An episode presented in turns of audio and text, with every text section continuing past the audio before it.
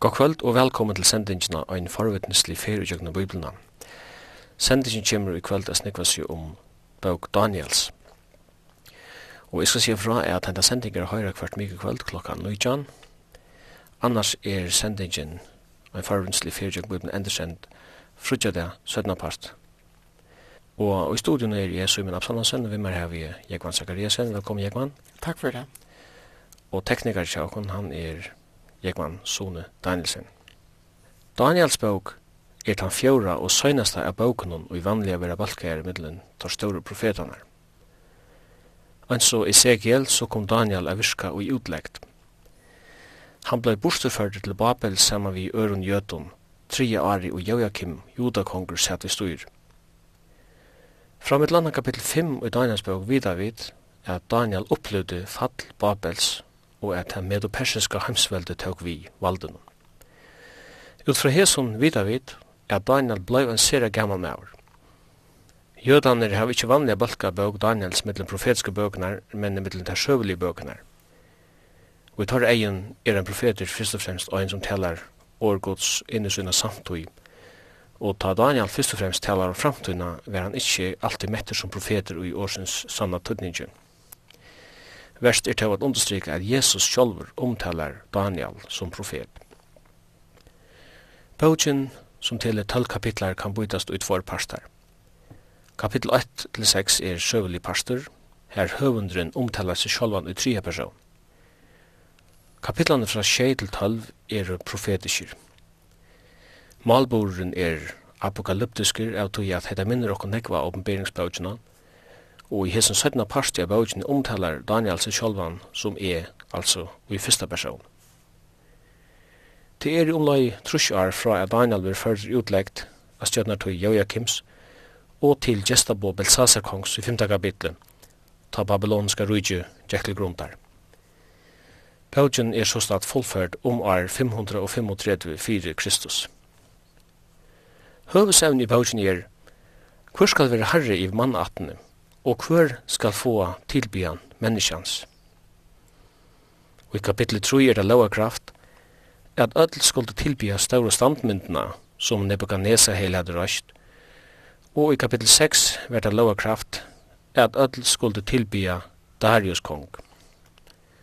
Hetta kunde jødan ikkje gjera, og vindmenn Daniels var tvøtter i eldsovnen, og Daniel var tvøtter i løvebøl. Andi Antikrist hefur alltid kraft tilbyan, men god sikra i jøgna vittnesbúrn til Daniel og vimmunnen hans herra, og hetta fikk òsne ståru avskan at var høtningar som þar levde i middelen. Søtni helmegra bøgin omtalar negv og bamberingar om heimsøvna og heimsrujtjene og i koma skuld. Bøgin omtalar jötla tilbúru som fyrir fram om lai 300 år etter deia Daniels, ta Antiochus kongan er kua i jødiska fölkje. Øysten sier Daniel at det skulle genga 443 år fra Aboi om en røysa mura Jerusalem som var givner, og inntil Messias skulle komme. Hetta hever finnje mengan at undrast og spyrja, gosse kan søvan skrivast fløyri öldur undan at tilborner færa fram. Paugen er aktuell som ongandi avr. Og i hesson heime strujast valsarar og maktina, men Kristus skal koma atter, og han skal vera kongur i rujtsunnen og i alder og allar æver. Jeg kan vite av en bøk for jokken som er søvelig og hun er profetisk, men jeg kan huske meg at lagt fire vi i fyrsta kapitlet. Her kommer han nekker jødiske dranger og fører utlegg til Babel. Og tar jeg av seg nekva lærer okken. Ja, tror jeg ikke så tøy. tog. Alt bøkken som han er, hevur nekva lærer okken, bæg søvelige og eisne profetisk og teologiskt. Men uh, vi kunne byrja ved å se okkur inn i situasjonene tja Daniel og, og vinen hans her. Nekker unger, drøntjer. Jeg vet ikke hva det, hva det er vært. Det har kanskje vært av at han tjoer altren.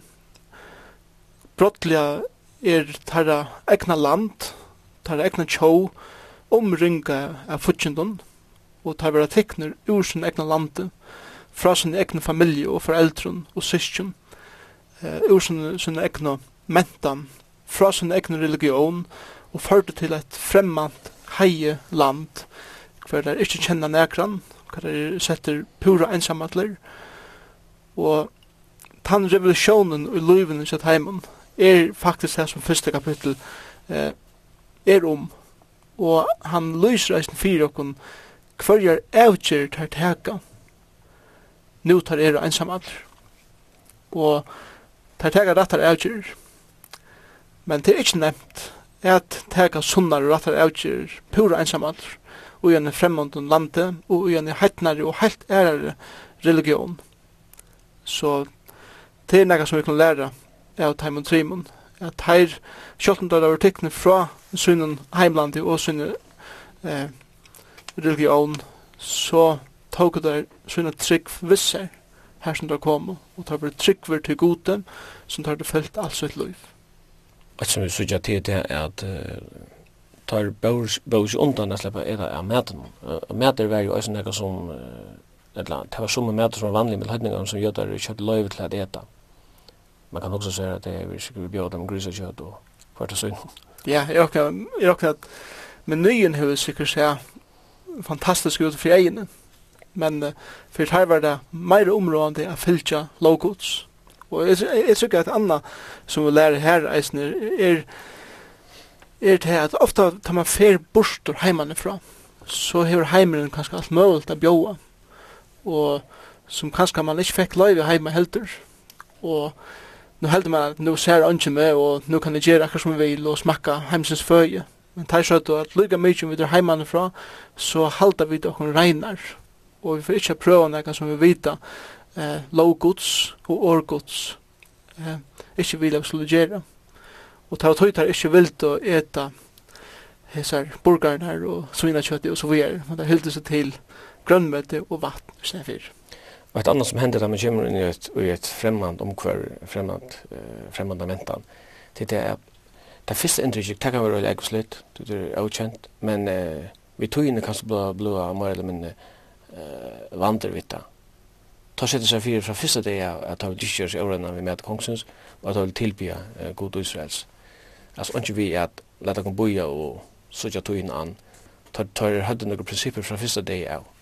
Ja, og nu har jeg sjål bo nek åt annan og nek føringar heva, och til det her at just det så spekla till annan kultur, eh, och en annan mæt till dömes. Men eh, det har ju sett sig fyra nega helt avvist. Ta er det kom til landet, høttu der avgjørst her. Og jeg sikker det var det som hjalp dem, men alle veien eh, og jøknen. Hebrea bara tog som att det är aktet som man över hörst som man inte, ikke, så det ikke reka bort fra det, altså driva bort fra det. Det er en trend til, det som en vart rak og tog andan og i imskomentan som kan driva mennesker bort fra god. Ta det viktig, att ha noen prinsipper, kan man se så noen ting fyrir. Ja, det, det er helt säkert. og de, de prinsippene tykker jeg at man kan ikke byrje på ta om man er midt i en situasjon og man vet ikke hva man skal forhære. Men jeg tykker man sender sterskare ta om man hever sagt fra byrjen av at såleis for jeg gjør. Og jeg tykker at at at jeg sier bare til så tror det nekva omra i livet hva vi må teka sjådar avgjører. Vi husker om imeslø av frestingon som kom i nokra liv. Hvis jeg ikke har vi avgjørst åren, at lyga mykje kan kjemra ut mitt liv, så fer jeg være trygg for måte komme inn. eller Jeg fer være trygg for måte bøtten min, eller jeg fer være trygg for vi måte gode, og jeg tror som han lærer meg. Jeg fer ikke velja at fer til steg som jeg vet ikke er fer, Jeg fer ikke velja at tenka smakka hans nere som jeg ikke vet jeg skal rekka, og så videre. Det er nekkar avgjør som jeg trygg for måte teka åren vi kommer ut av situasjonen, så vi kunne standa sterskare og teka rattar avgjør. Så skal man leva et, et ratt liv for gode, eh, så skal man sätta sig några ting fyr. Absolut. Och ett annat som vi såg i första kapitlet, det är att det kommer till Babel, eh, att det är att det blev presenterat för den nya men ett annat vi såg är att babylonerna vilja göra dem och nudgen døden. Och vi tog kanskje ikke nek om at det her akkurat tog at uh, nøvn og akkurat tog tid nek man brukar identifisera seg i anker oppkallar etter appanon eller anker familien og men nøvn i hæsar mentan betydde nekka negma åren, det kan skap du jokken i det. Ja, det er helt sikkert. Jeg halde det nok som moderne, kanskje mittel føringar kurser at brøyda et nøvn, og kanskje ikkje sånn ek fornøvn. Men vi kan hopsa okkom at hvis vissene fyrir blei tidsi av en helt, helt fremmandare eh, tjó, helt øren kultur og eisen helt er religion. Og en rikva føringar var flott av ötjenon, helt lengt vekk, og vi fingo öll nudge known og så videre. Det, det har gjort Og utrolig vi okken, eisen vi okker identitet. Men, men som sagt, for, for teir, altså for hebreeren, var navnet så omedelig tøtninga mitt. Det er navnet som du fekst, det var nega som du bærer på, det var nega som du var stolt av å bæra, og det sier eisen nega om hver vi du varst. Og det har vært en utrolig revolusjon vi tar en løyve knapplega, jeg var kattleir, vi gjør en nøvn. Hese fyra nøvnene som tar i heimann fra, det var Daniel og Misael, altså El er Elihu eller Elohim, ja. og Hanania og Azaria. At nøvnene mynte der om kvean kom, og om tørra Guds forhold til, ja. til Elohim eller Jave, som er god Israels. Og så får der nøvn etter babylonisk høyden og godum, ja. eh, Sadrak, Mesak, Abednego, og Belsasar. Ja. Eh det som hender her til det er at Babylon vil tega eh te godomlige nøvn fra dem og gjeva dem et nytt label, et nytt et nytt merkeseil som hei vi babylonskan god at gjøre. Men innvendig var ikke brøyding. Ja, det er akkurat det, altså. Og, og jeg heldur det her er den største sannleggen nøyes nere, altså at, at mennesker kunne brøyta som det som det vilja til utforstes men av til at høyre det er avgjør innvortes, så, så brøtte de nøvnene, ikke tæra karakter, de brøtte ikke tæra eh, trygg, og så vore. Og, og det var det som førte der i jøkken alt som tar færre møte i hese bok. En person som er nek omtala over Tulli Bausen til er babyloniske kongren Nebuchadnezzar, og han er kjent fra heimsøvne.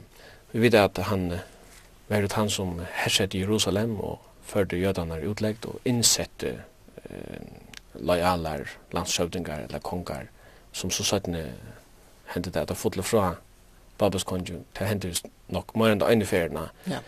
Babylonerne høtte øyne strøy vi å få noe som jødanar at uh, makarat og at det var så fæt hvor det var som rådde i heim og til, enda, til enda så ble det uh, så høtte det noe som finnes jo nok og fyrir a sted og brente bojen av og jeg lødde eh, templet, brände det och skratte murarna ner. Men men allt det fram så hur Daniel faktiskt sitter i Babel. Han tar sig inte om det som händer honom. ja, till, till nämligen avhörst. Nebuchadnezzar var trutja för i Jerusalem. Först var han i år 605 kvar han hersette bojen og ta hever han tidje Daniel og tar trutjar viner hans her. vissar ut utleggt. Så gjerne kommer han atter i 525, hver han og Eva teker Ezekiel profet og i utlegg, og i 506 Og at det er nemlig AH-verst, er at medan Daniel lev sitt i stjøttene og i Babylon, ta var ein av avgjørene som Nebuchadnezzar tok var affær til Jerusalem, øya muranar, øya byen og øya tempelen. Så det er sikkert vi har vært en En omedelig svar tog tja Daniel, selv om han ikke skriver om til tøyene som så, i sinne bok. Men han har haft et bønnerløy, og han er bygge eh, venter mot Jerusalem. Han har jo ikke templet for men han, han var venter mot Jerusalem. At det var jo akkurat det som God har sagt. Ta det var rikken utlagt, så skulle dit bya vente mot Jesus steg. Daniel var en helt framurskerande maver som vi sutja fra bøkene, og han kan, vi vet samanlukna Daniel, vi er store godsmenn ui, ui Bibelen, så som Moses og Abraham og Josef og ærer.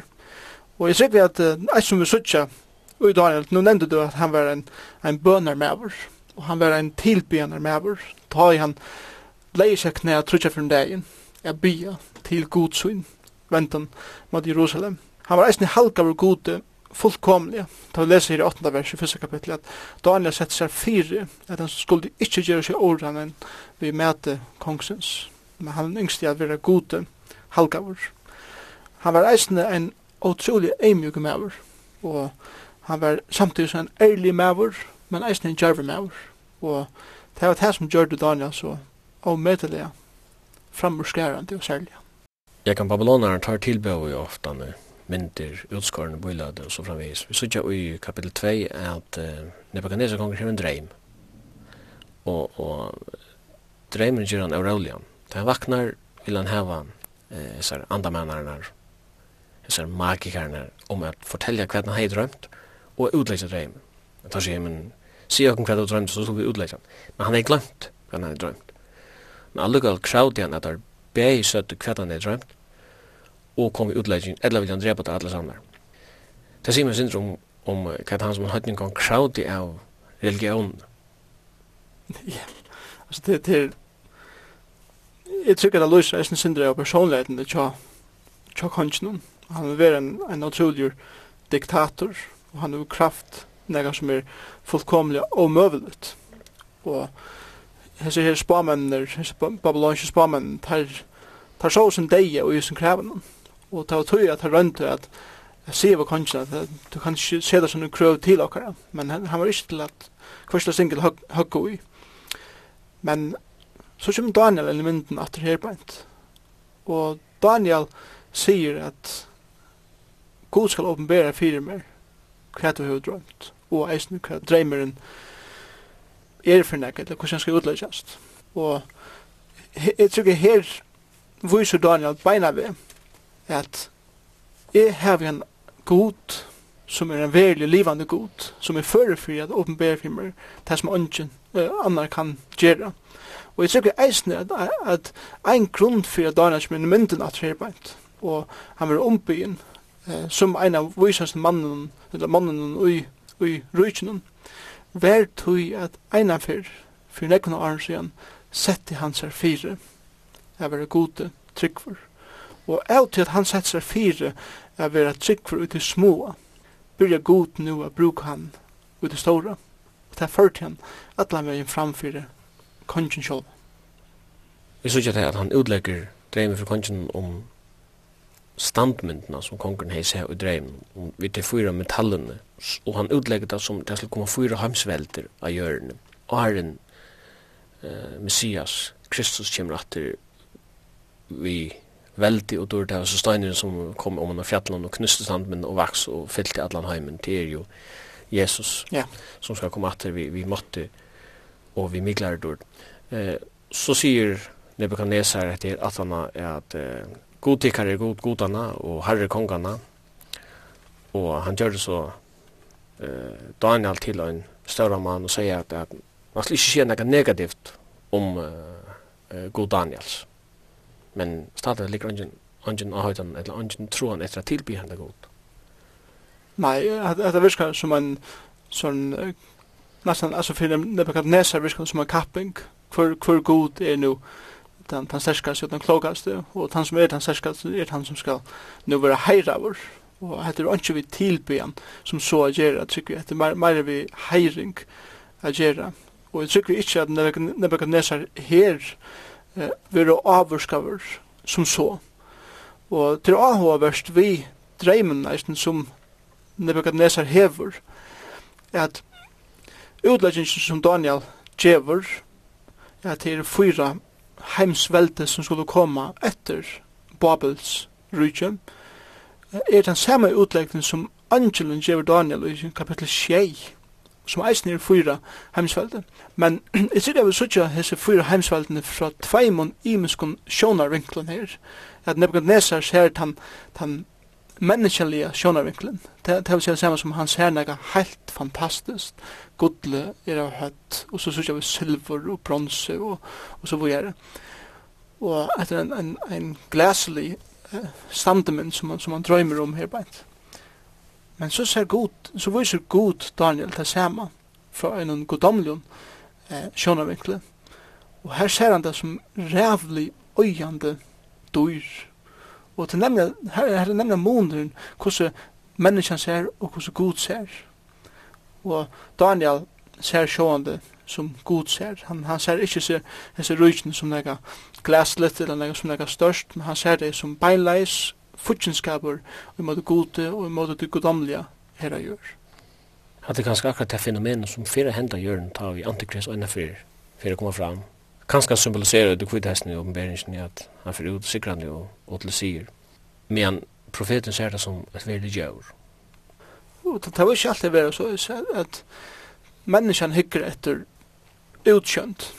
Og ta øyne jeg ser og utrolig godt og spennende ut, så kommer vi til det konklusjonene at er det det ser så ut, så må det være godt. Og antikrist, ta i enda til verer, for han være en utrolig figurer, og han fer at, at representere en som ser helt fantastisk ut, men innanfor jeg hadde her, bor alle rådskaperen og ønskaperen, og hvordan han er stort, stortur av henne ønta. Og til reisene som sutt oppenberingsene, Jeg vil søtja antikrist fra en menneskelig sjåna med, som er rujande, sikrande, en kviten heste, men god ser han eisen som et, et rævle dyr som kommer atter oppe haven her beint, og er øyande, og er en veldig diktator som er større av Satan sjolven. Jeg sa en sjånarsending for Korston her, en tuskare som er uh, en eldre maver, han var ble onker i første truja til Arnon, og han beskriver sin oppvøkster i Tyskland og i krepp i åren, den budskapelige krepp i åren, vi hyperinflasjon og og medalja stauran arbeidsløys og alt det som Tyskland randja produsera, det blei betalt som krukserstatninger til uh, Frankarujtju, altså i samband vi avtalen som var gjørt Weimar Republik, alt denne fyrre heimsparre. Ja. Ta så en sånn person som Hitler kom fram og tåsar jo om frelse, og han tåsar om arbeid til alle hendur han tog seg om, om brei, så var det, det var akkurat som frukstvatten til den tysta sa, sier han. Han, han, han, han skapte en vogn og i tyskaren, og, og tog engste tyskene for å få han fram som sin herre, og det fyllte han fullkomlig. Man kan si at en, en kreppetøy som det var til hon, var en gav og grøvrebotten for akkurat tøy. Ja.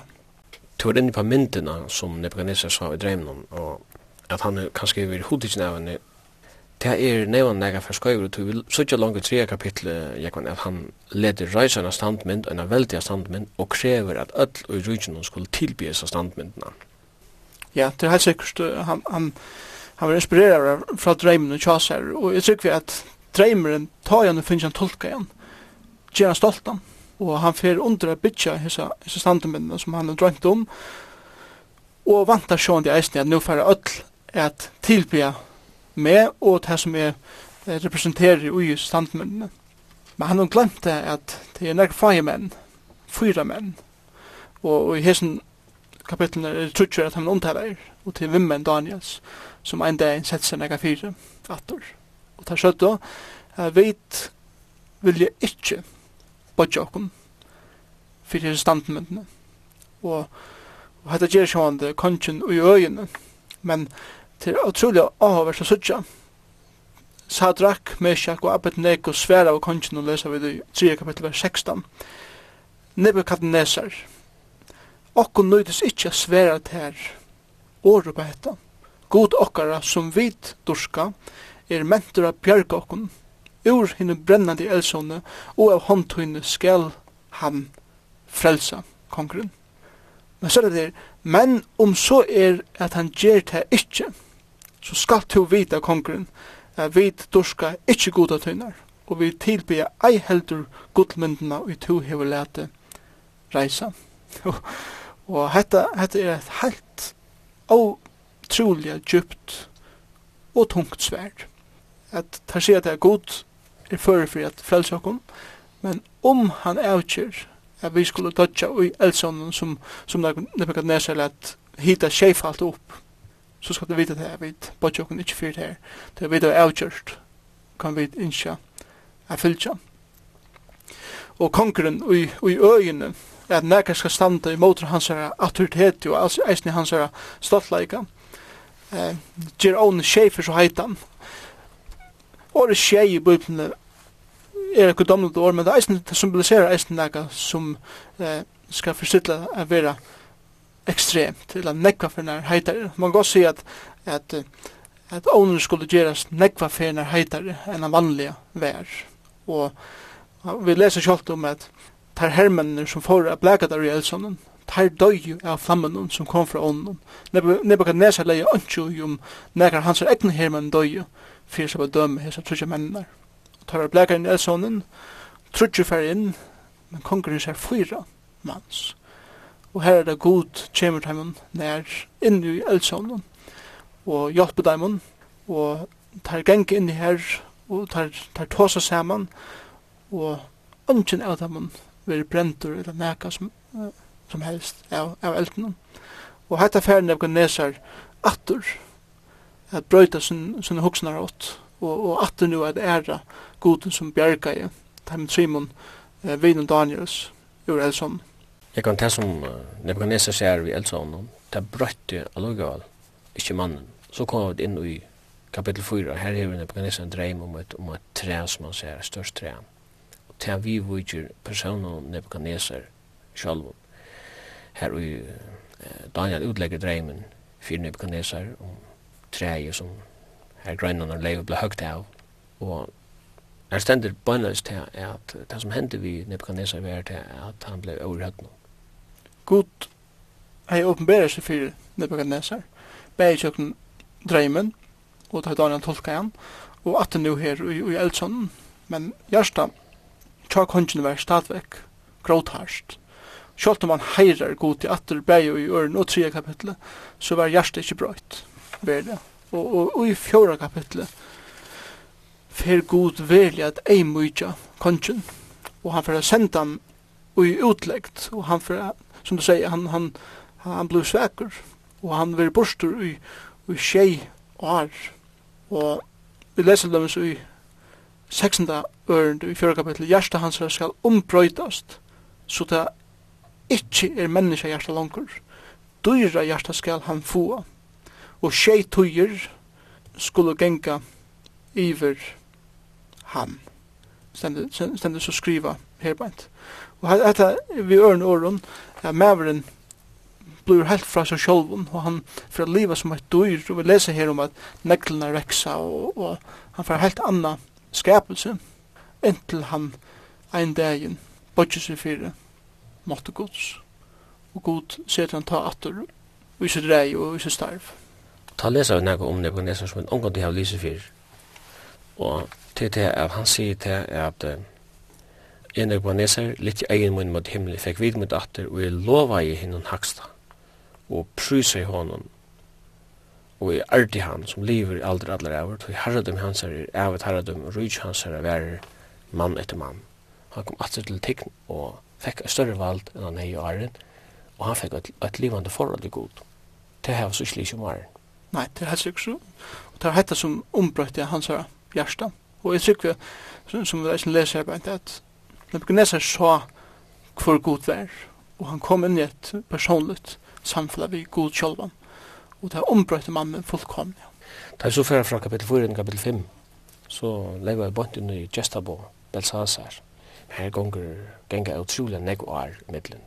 Jeg mener Belsasar var abbasonen Nebuchadnezzar. Ja, her nek, her nek år i middelen kapitel 4 og kapitel 5, som, som så ikke er skriva i, rent søvliga, fyrir okkur Men Belsasar var nok Abbasoner, Nebuchadnezzar. Det hendte her at han hever Gestabo, eh, Belsasar i kapitel 5, og under Gestabo er en hånd som skriver av vetsjene, mene, mene, tegel Peres. Og Daniel kommer inn, utlegger, talt, talt, via, skift. Rydtje er, det er rydtjen sier talter. Og tog vi av og funnet latter og rydtje i skift og givet til medare persa. Det er god som bestemmer eh, hver herrar skulle rå av Ja. Og han atlas så gjør han til større mann og visen høyer, men så stender bare til det som en nattvære så er konger driben. Og hatt det hendt vel ta tandein og tegitna babylonska rujtju tjekkle der. Så man vil vera vi at uh, bojer Babel var viktig av om man har ånne evfratt og at medarna har liv rundt om, medar persar liv rundt om og, og omringa byen og har lobby av til nottene. Og, og til, til helt søvlet at det så det hendte akkurat til nottene. Det, det var ikke så at Babylon, byen selv, han, han var omringa av eh, meton og hei vært her enn tog av futsjenden. Men Belsasar, konkur, han, han var så trykker i eh alltså vergen i ombyggen att han sa inte till som en, som någon troplag. Att han var byggt av vakanaler så sa han onkan mövlig att jag fortfarande kunna släppa in och han är ju så går han vakna med nästan. Och tjuka murar. Och tjuka murar, ja. Och, och det som hände var det att fortfarande grävas ju under kanaler och för under murarna sen för iver där. Så det är något som Heimsövan säger. Det är något som Heimsövan säger också, ja. Och tar færre svimja i kjøkkenkanalerna under muren og komme opp midt inne i byen. Og vi leser om disse veldige varslene som, som er i Kongsborgsene, og her hava alle, ja, alle ötstjötene verger, alle de roende ja, mennene og, og kvinner, og i rujtjen hava verger til, til dette veldige balle. Og, og det som fortjene gjør det, var det at her får beint til kongsøttene. Tar for ikkje og drobo nokre folk åren, men tar herja av kongsøttene, dro på kong, dro på alle råharnar. tog at her, tar det finko til hekstå, så gå at hine seg. Ta i Daniel her veri her og tolka skriftene av vetsjen. Stekka han ikkje, men han får bant heim altså. Og, og ta i Daniel eisne ivelivd det her. Ja, til at han vær slik til sier i Kongsborgsen ta i så fortjene kom, men han var heima. Tøy at ønsken siviler, og at de vanlige folkene var i hele tiden.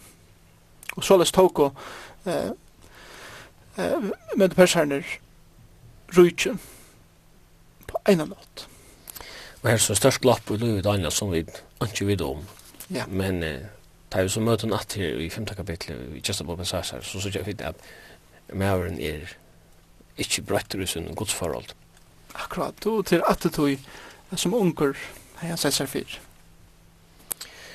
Nu er det nytt eh, skifte og medaren Darius tidsi vi valgt noen og vi kom inn i en kjenta kapittel, det satt kapittel til den sørste kapittel i, i fyrre helmet av bøysen hvis vi kunne si det på tamata.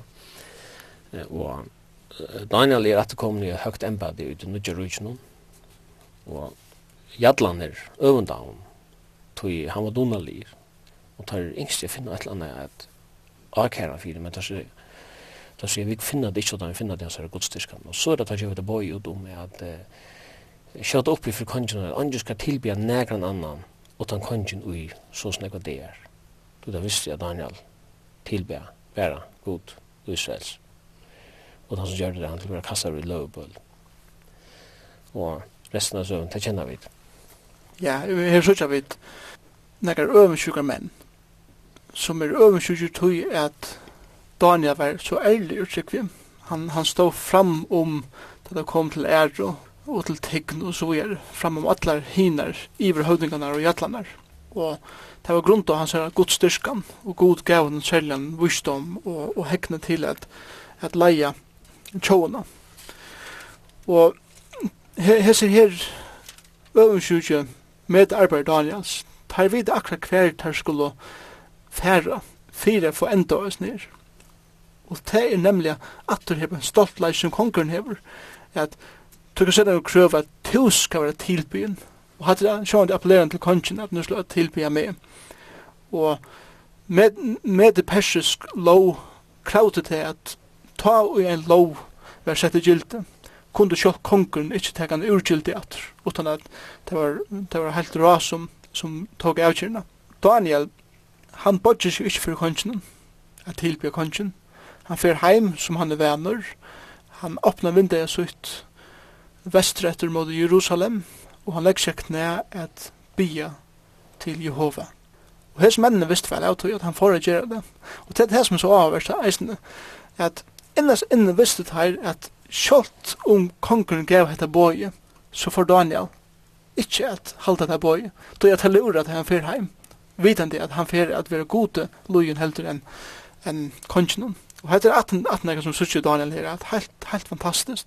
Kussu nokre som sier at seta seg nokre fyrir som som onkur. Kongren elskar Daniel. Men han kunde ikkje brøta lovuna, som han har sett. Og hetta gjorde det at Daniel ver kasta over med levenar. Men jeg tror at Sami Hukboren, som tror ikke hans har hørt at god, han skal være ved mer, og om så leivnar skriva med sundur i litje, så mig ikke fyrir nøkken øren, utan Jehova sjolvun. Da han er vært kastar i leivibølle, og vi kjenner sjån i alt søvn om at god let munnen atter av leivinen og sparte Daniel. Og Darius konger her, hei sjå at han fyrir ut fyrir lysing at ropa Daniel hei god bjerga der, og han bøyer spentra høyre svær her nere fra. Så man vill ändå otroligt lätt att ta i Darius och Horst Mali och Daniel. Att här, här är allt i ordan. Och tar det Darius i stegen teker hinner som hade varit ute efter att få Daniel tecknade döven. Och tar med sig sin egen liv. Tog att här i svitje rönda geranäga för att upphävja sig själva. Och här ändar fyra helmängder av Daniels bok. Och så kommer det in i kapitel 21 og til det som en halv nødt scena som vi sykja. Det fyrsta vi sykja i kapittel 6 og kapittel 8 til det er at Daniel ser nægge sjøvne, men han ser der medan Belsasar konger levd. Det kunne vi tefta vi beina vi vi kjenner kronologien i Daniels bok at her ser Daniel sjøvner om hva det skulle henta kommantøyen. Han ser det med det persiske rydtje, men han ser også at Grekkalands rydtje skulle vinna valdi av det med det persiske. Hetta ser han långt men Babylonaren sitter vi vald.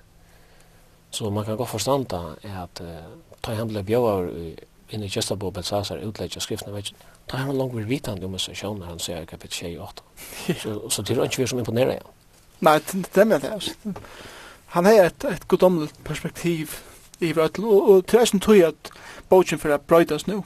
Fra kapitel 1 til 6, som vi har tås om, han, han er i høvsheiden søvelier fra kapitel 6 til 12 eh, verur verur bogen nu profetisk. Og i til fyrir heltene hadde vi Daniel og trutja viner hans er særlig omtale er.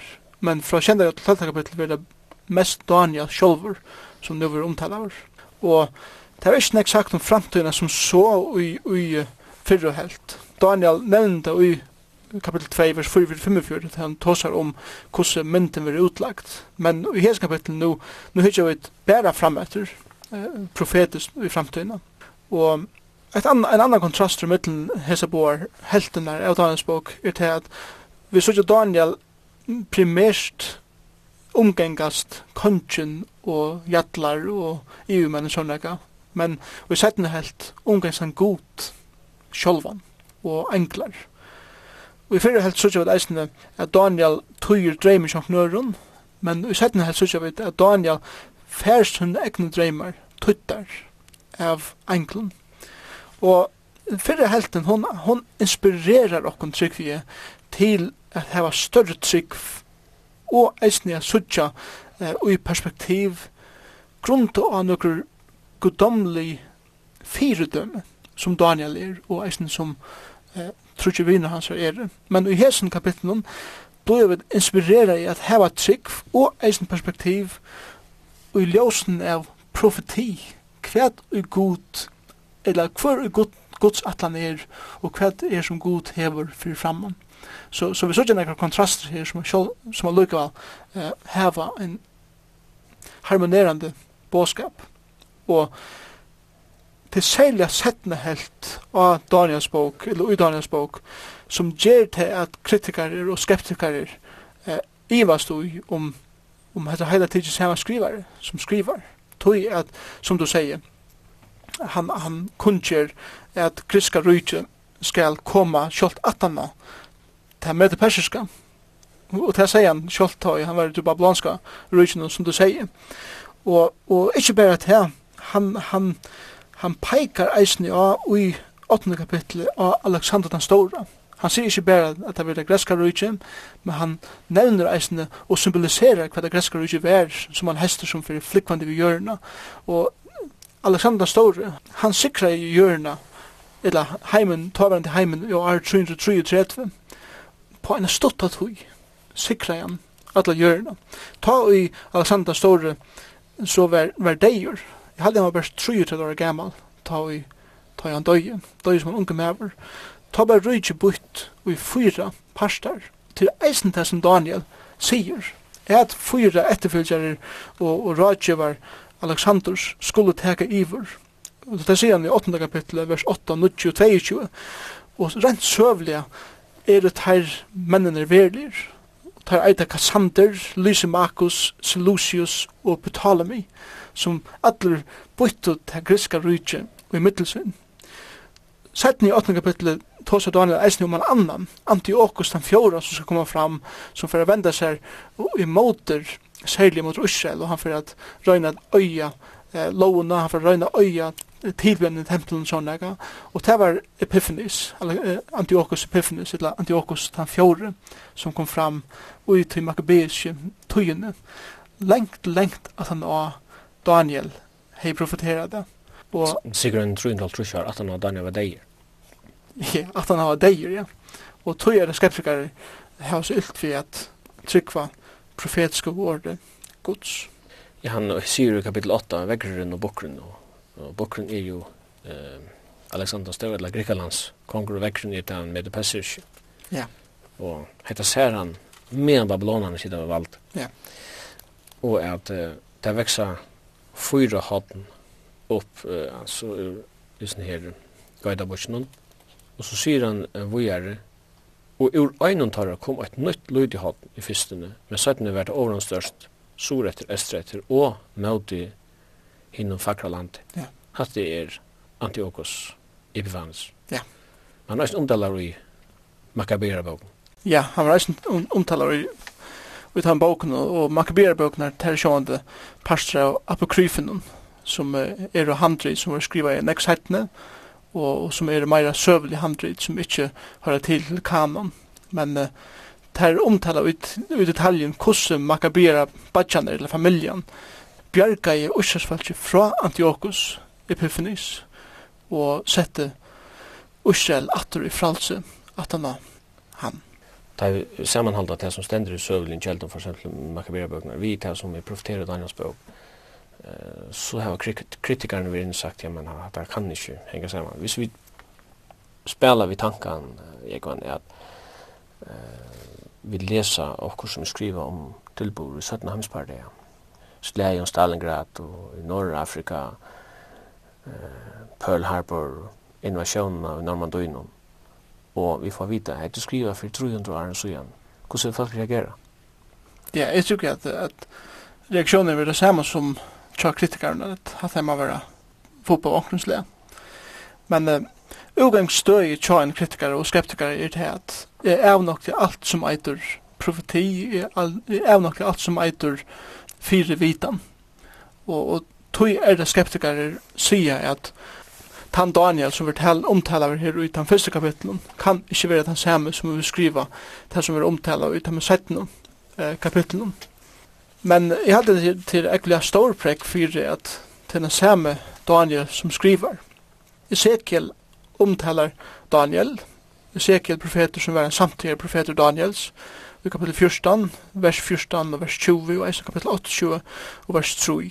Jødisk tradisjon og her hugsa seg om Talmud, tar to som ein Daniel, som levde i alt fyrir Krist, som hever, som hever skriva alla Daniels bok, og ikkje berre parstar av henne. Eisen tar det samarbeid, malbruk og imisk år og så vore i Daniels bok, vi til dømes til apokryfiske bøkene og malbor 300 år, 18 Daniel var deir, så er det slett samme, som, samme målborer, men det målet som Daniel brukar bare i fyrre helt og i ære helt, er mål og mål lærer fra til tøyene, ta i Babylon rydtje og det med perska rydtje, være valgte, og tøy er det eisende, altså grammatisk prekk fire, fire tøy. Men jeg tykker at, at den største prekk for fire, er Daniel skrev i Daniels bok, er til at Jesus Kristus sjølver sier til Daniel, eh, profet, Og ta ui Jesus citerar Daniel til dømes i Matteus 4.15 Ta siterar han ur setna helt av Daniel profeten.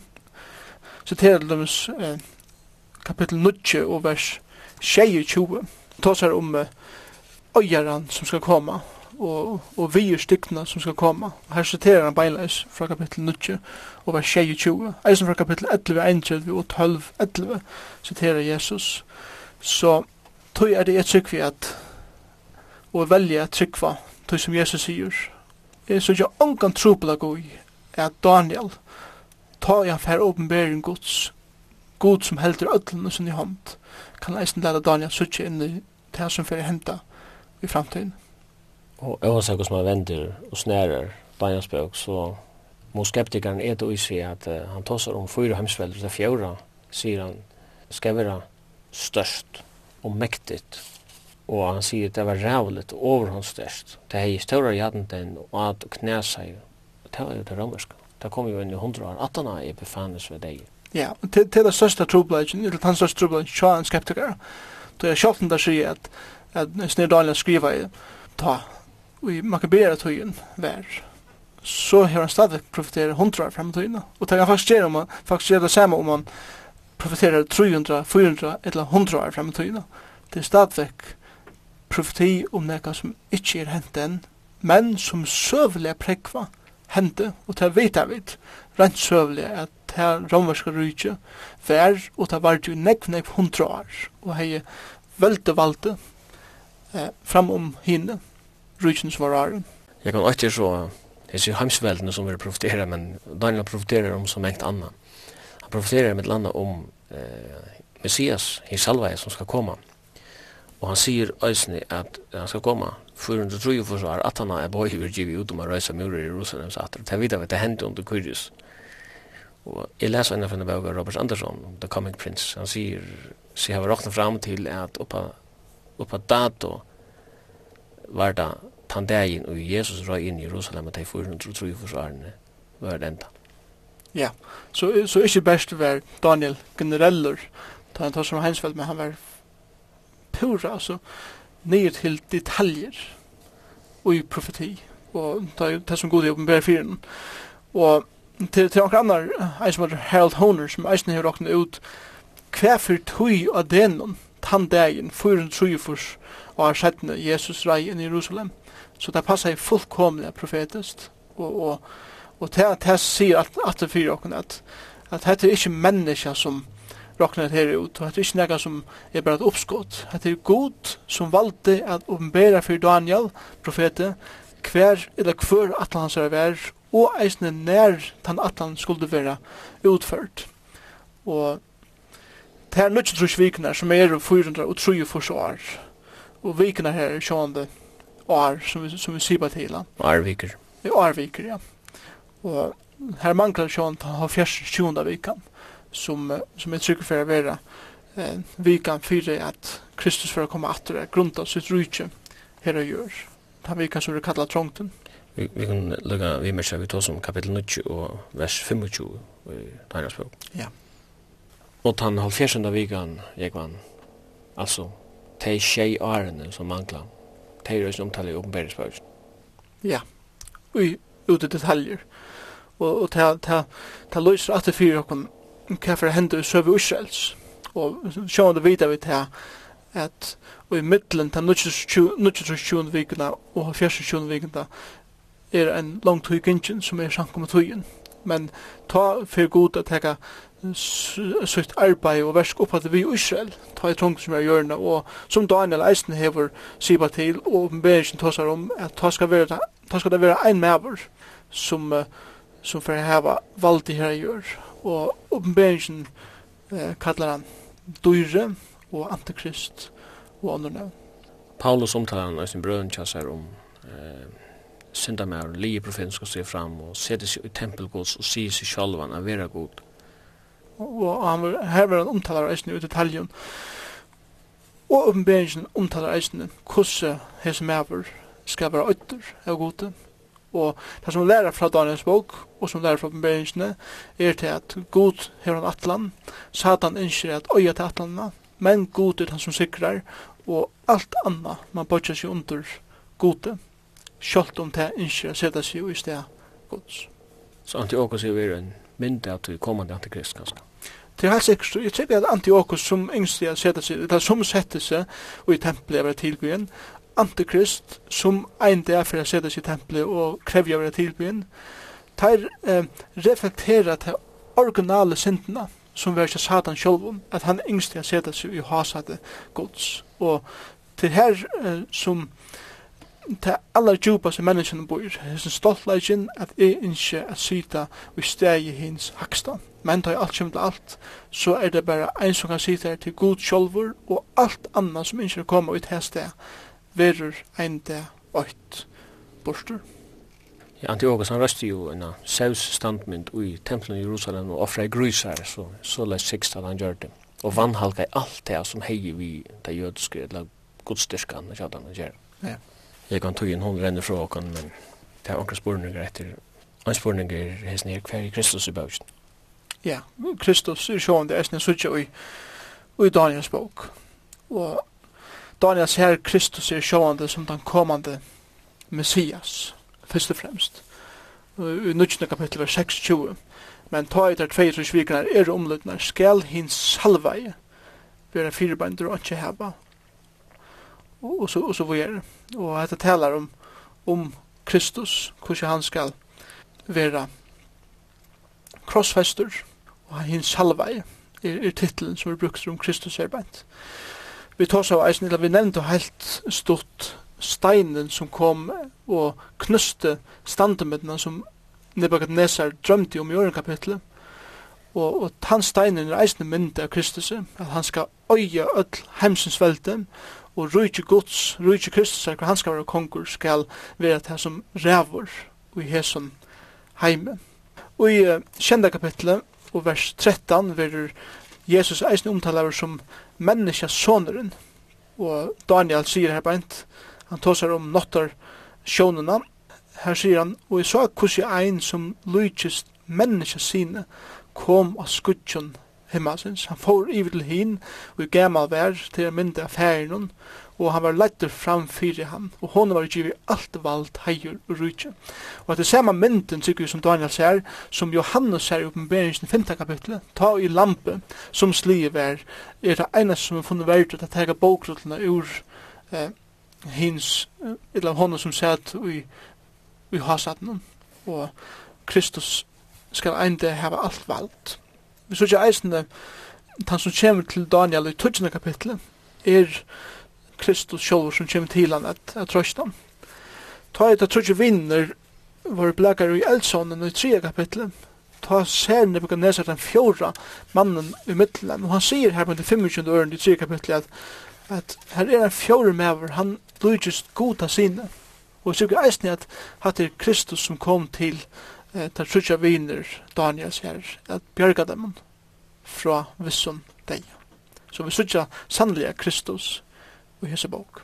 Jeg kan sørste kapittel i Nøyans bok, han er ikke kjære lenger, men han uh, understryker utrolig nek god suverenitet. Så tja her Mikael Iverøyden, som stender som en særlig verja for jødiske falskjøp. Og så omtalar kapitlen øysene om de som er skrivet i bøkken som skulle bli frelst. Og han omtalar oppreisene av rattvisen og avrattvisen. Det som er at uh, større parter av Guds rai over åpenbærer i sin siste kapitlen. Ja, det her er nekvar av grunn til læren på Bibelen er finna ui, ui Daniels bok. Daniel, Daniels bok hever utrolig nekv a sia om ja, om, om teologi kan man godt sia. Daniel tåsar nekv om enklar, han tar seg om Messias, han tar seg om oppreisna, han tar seg om dom, og rent teologiskt er hon omedelig nekv utvikla til at vi har skrivet til tøyene som hon, som hon vær. Og god om bera i fyri honom alla hessar imsko eh, sannleikanar som han eisen tåsar her om i tølta kapitel. At ein dag skal ein oppreist av menneskjum vera og de skulle ein dag standa framme for Asjon gods. Og det vet jeg at det er åpenbæra atra nudjan i nudjan testament. Jeg kan helt aller sannast bøtjen i skriva fyrir djev og kanaga som er interessant. Det er likevel en sterk appell til lesan i bøtjen. Absolutt. Og Bibelen har alltid hon kan skriva bare til å ge hon informasjon, men hon er skriva til å transformera och kunna ombröta akara liv. Og helt senast inte bare å si en några helt få ting. Det første er Daniel sett seg nega fire. Og jeg får spørre til kære lustare, er det nega som du må sæta til fire, og i det er eisen i tøyne liv, kanskje du som er den tryggvande, er det nega som tu innskjer sæta til fire, at du innskjer at halda gut ut i livet. Og kære vinner som er vant vantryggvande og lustar i det, Thomas Eisen sier at her nega fire. Enskje til å bodja til fire gode som ræver ötlen, som er åhover i tøyne livet og som Eisen elskar til akkurat her som du sitter, eller her som du køyrer, eller hver du erst. Se det fire det at djeva et liv til ham. God er en god som kjenner til et liv, han kjenner til en framtid, han kjenner til fullkomlega meir enn nekar annar. Og han ønsker å komme inn i et innanlig samfunn vi til, akkur som han var vid Daniel, akkur som han eisen gjør det vid Nebuchadnezzar, selv om han er så herrer i så lenge tog, så førte god han nere knøyne, og bøn min er at god eisen ført hen nere i det er akkur her som du erst, og at du i jøkken det kan råpa til god om at fyrtjøy at her sindur tøyner og koma inn og ut ut liv. Et annet som jeg husker meg har sagt er, er vi lortaren som kanskje i det sitter nyerbøkter, sunderknuster, utan vogn kanskje i, i løyvenen. Ta er vi viner Daniels var blekar i eldsånden, men det er her der og godt kanska er det steget du her viner kanst eisen hitta god i det, og i els ånden her som du erst. Og det kan være så medlemlig imes, det kan være sjuka, det kan være einsemme, og det kan være så nekv i livet tøynen som er tøyn elsåner. God bjergar okken ikkje alltid fra elsånen, men mengan bjergar okken ui elsånen. Og god innskjer at møte at her her akkurat som du erst, lukka mykje for støva tøyn er det. Hikk etter henne, råpa til henne, leita til han, og du skal sutja at Kristus er alltid ter nær. Og vi hesson åren så fer vi at takka fyrir kveld vi takka Jekvann fyrir at han vildi kom her, og Jekvann Sona som hefur passa teknikinn tjokken, jeg skal se fra er at denne sendingen, hon er at høyra kvart mye kveld klokka nøyjan, og annars vera sendingen endersendar frutja det 17. parst. Takk fyrir.